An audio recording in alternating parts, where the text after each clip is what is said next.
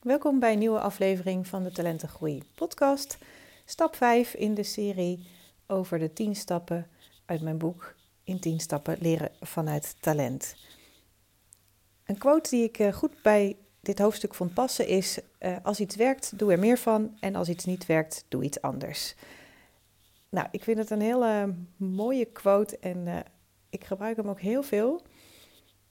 En ik ben hem tegengekomen toen ik een uh, opleiding deed op het gebied van oplossingsgericht werken. Dus dat was eigenlijk in het begin van mijn zoektocht toen ik ging kijken hoe ik kinderen op een andere manier kon benaderen. Dus niet het probleemgerichte, maar nou ja, kijken naar wat gaat er nu goed en wat kunnen we nog meer doen nou ja, om het nog beter te maken. En nou, superleuke cursus overigens ook, waar ik ook veel aan heb gehad en die ik dus nog steeds gebruik, ook in mijn werk. En nou, deze quote die ehm, komt dus vaak uh, langs. Want uh, ik vind, uh, als je kind leerproblemen heeft, dan wordt vaak gezegd dat je maar dingen moet herhalen. Maar ja, ik vind het, dat het dus weinig zin heeft om datgene te blijven herhalen wat niet lukt, of meer van hetzelfde te doen. Want dit levert, ondanks dat de kinderen hard werken, eigenlijk alleen maar frustratie op. Terwijl als je gebruik maakt van je sterke kanten, dan wordt leren leuker en makkelijker, zoals ik altijd zeg. En in deze stap laat ik je zien eh, hoe je kind kan leren op een manier uh, die bij hem of haar past en welke praktische uh, tools je daarbij kan inzetten. Dus ik heb een aantal tips voor je.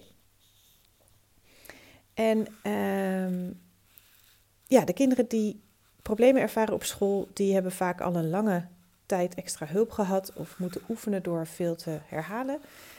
En wat ik dus zie is dat het vaak op dezelfde manier gaat of met een kleine variatie daarin, maar het is nog steeds dus meer van hetzelfde.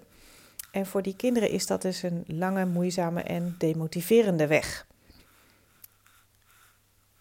En het is eigenlijk alsof je tegen een kind zegt van nou, fiets jij maar over dit pad. En dat pad is een uh, zanderig weggetje met hobbels en kuilen. En wat dus niet zo makkelijk eh, begaanbaar is. En als dat niet lukt, dan zeg je eigenlijk, nou, doe het nog maar een keer, dan gaat het uiteindelijk wel beter. Maar ja, dat blijkt dus toch niet te werken, want het is niet het passende pad voor jouw kind. Er zijn namelijk ook andere wegen en in dit voorbeeld zou dat een geasfalteerd pad zijn. En uh, daarbij wil ik wel duidelijk maken dat uh, een kind wel zich natuurlijk moet inspannen. Hè. Je moet, uh, als je op dat pad fietst, wel blijven trappen. Het gaat niet vanzelf, maar het gaat wel een stuk makkelijker. En dat geeft een veel fijner gevoel. Dus dat is ook wat ik altijd aan kinderen, ouders, leerkrachten vertel waar ik mee werk. Is dat ik kinderen wil helpen om niet harder te werken, maar dat ze slimmer moeten werken. En dat doe je door gebruik te maken van je hele brein en niet alleen van de linker hersenhelft, waar, uh, waarop school meestal uh, hoofdzakelijk gericht is. Dus um, hoe kunnen we dat doen? Ik wil drie tips met je delen, waar je in ieder geval um, nou ja, op moet letten of, of die je kan, uh, kan gebruiken of wat nodig is voor je kind om te zorgen dat het uh, makkelijker gaat als jouw kind of leerling meer vanuit het visuele en gevoelsmatige denkt en leert. Nou, de, het eerste is dat wat je kind in ieder geval moet weten is welke leerstijlen er zijn en hoe het brein werkt en welke andere leerstrategieën er zijn om goed gebruik, te maken van je brein. Dus leg je kind uit dat er verschillende denkstijlen zijn, zoals ik uh, in stap 4 heb aangegeven. En als je die aflevering nog niet hebt geluisterd, uh, doe dat dan vooral. En het is dus niet zo dat de ene denkstijl beter is dan de andere, Maar het is gewoon handig om te weten hoe het bij jou werkt, zodat je uh, samen kan kijken welke manier van leren het beste past. Um, daar kun je natuurlijk ook nog meer uh, in verdiepen. Uh, in mijn boek staat het uitgelegd. Je zou ook nog de gratis leersteltest die ik op mijn website heb staan, die ik ook benoem in de vorige aflevering, die kun je aanvragen. Dan kun je dat invullen en dan krijg je eigenlijk meteen al meer zicht op van nou, welke leerstijl heeft mijn kind of heeft mijn leerling. En dat is dus belangrijk om te weten. En zoals ik al heb verteld, voor mij was het een enorme ja, eye-opener en openbaring dat deze denkmanieren er zijn. En voor mij vielen er ontzettend veel puzzelstukjes op zijn plek. En ik ben heel blij dat ik dat nu uh, ook op deze manier door kan geven. Um, dus weet dat die denkmanieren er zijn en dat die er dus voor zorgen ja, hoe jij uh, leert, zeg maar. Nou, het tweede is um, belangrijk dat je je realiseert dat uh, kinderen die dus meer leren vanuit de rechter hersenhelft, eerst behoefte hebben aan overzicht. Dus wees je bewust van het feit dat zij het beste leren vanuit het grote geheel. En dan um, de kleine stapjes, zeg maar. En dit is precies het omgekeerde van de manier waarop school de leerstof meestal aanbiedt. Daar wordt bijna altijd gestart vanuit kleine onderdelen en dan toegewerkt naar het grotere geheel. En het kan je kind heel veel rust geven als je eerst het grote plaatje, zoals ik dat noem, aanbiedt.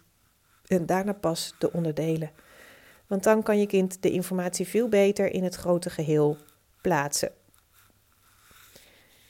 En uh, de derde tip die ik met je wil delen is: uh, zorg dat je de leerstof op een of andere manier ook in beeld brengt. Dus niet alleen uh, met woorden of uh, door samen te vatten bijvoorbeeld, maar breng het meer in beeld.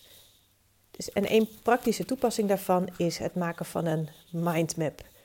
mindmappen is een uh, simpele, breinvriendelijke methode om informatie tot je te nemen. En in de mindmap maak je gebruik uh, van de combinatie van kleur en beeld en taal en patronen. En daardoor gebruik je dus beide hersenhelften. En helpt het je dus om informatie beter en langer vast te houden. Nou, ik vind dit echt een hele mooie tool om heel veel verschillende uh, dingen mee, waar je heel veel verschillende dingen mee kan doen. Ik, uh, er wordt hier, nou ja, behoorlijk geblaft buiten. Ik weet niet of je het kan horen, maar daardoor was ik eventjes afgeleid. Maar um, een mindmap geeft overzicht en het helpt ook de leerstof te ordenen in hoofd en bijzaken. Dus dit is een, uh, ja, een hele fijne manier om dat te doen. Hoe je mindmap maakt, dat staat beschreven in mijn werkboek, wat je ook bij het boek krijgt. maar als je googelt op hoe maak je mindmap, dan vind je ook genoeg op, op internet. Dus um, nou, misschien ook een leuke opdracht om samen met je kind aan de slag te gaan. Uh, pak een groot wit vel papier, gekleurde stiften en nou, start met het um, in beeld brengen van nou, wat je hebt meegemaakt in het weekend of uh, in een vakantie of op die dag of iets wat nog gaat komen. Eigenlijk maakt het onderwerp niet zoveel uit, maar nou, als het maar leuk is, zeker voor een eerste keer. En kijk hoe je het, je verhaal in beeld kan brengen. En En kijk ook hoe het werkt om daarna die informatie weer uh, terug te halen. Dus uh, dat was hem. Dus onthoud, hè, als iets wel werkt, dan zeg ik altijd, dan hoef je niks te veranderen. Ga daar vooral mee door. Maar als iets niet werkt, uh, doe iets anders. En ik hoop je een aantal suggesties te hebben gegeven ehm, wat je kan doen. Heel graag tot de volgende aflevering.